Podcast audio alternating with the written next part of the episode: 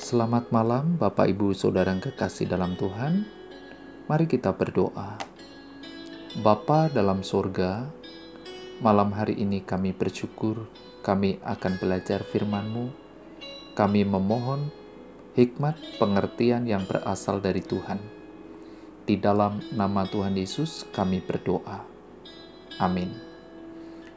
Krisis memaksa kita untuk melakukan hal-hal yang sebelumnya kita pikirkan untuk melakukannya, tetapi kita tunda. Krisis kadang membuat kita gagal dalam meniti panggilan, bahkan di tengah-tengah pelayanan. Memanggil para penatua. Yakobus 5 ayat yang ke-14. Kalau ada seorang di antara kamu yang sakit, baiklah ia memanggil para penatua jemaat supaya mereka mendoakan dia serta mengolesnya dengan minyak dalam nama Tuhan. Memanggil artinya mengajak, meminta datang dengan menyerukan, mengundang, menyebut. Sedangkan arti penatua adalah anggota pengurus gereja untuk membantu tugas pendeta. Penatua adalah sebuah jabatan gerejawi yang ada di sebuah gereja Kata penatua sendiri berasal dari bahasa Yunani presbiteros, yang berarti seorang yang dituakan, yang berpikir matang. Di sini Yakobus memberikan petunjuk-petunjuk tertentu yang diberikan menyangkut orang-orang sakit. Kalau ada seorang yang sakit, mereka perlu memanggil para penatua jemaat yakni gembala atau hamba Tuhan dari jemaat. Menjadi kewajiban orang sakit untuk memanggil hamba-hamba Tuhan dan meminta bantuan serta doa mereka.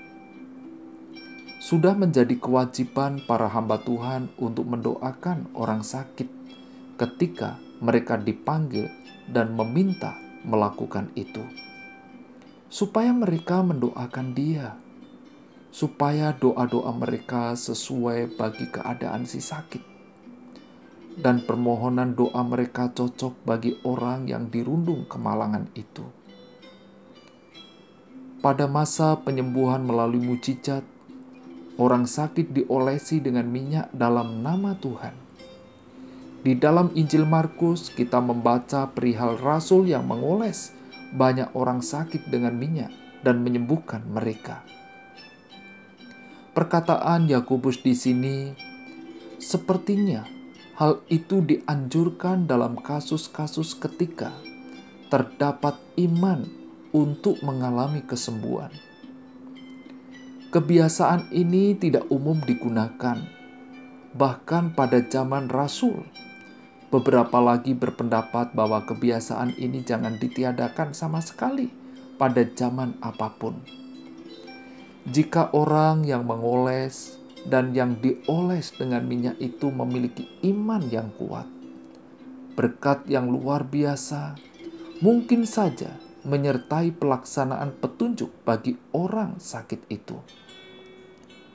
Bagaimanapun, ada satu hal yang harus dicermati di sini, bahwa keselamatan si sakit tidak dikatakan terjadi berkat mengolesnya dengan minyak, tetapi dengan doa. Doa yang lahir dari iman akan menyelamatkan orang sakit itu, dan seterusnya. Bagaimana sikap saudara sebagai jemaat pada saat sakit, dan sikap saudara sebagai penatua di tengah-tengah jemaat? Sudahkah kita mendoakannya? Mari kita berdoa. Bapa di dalam surga, malam hari ini Engkau menyapa kami melalui kebenaran firman-Mu. Di tengah-tengah kehidupan, ada yang mengalami pergumulan, bahkan saat ini juga ada yang mengalami sakit penyakit.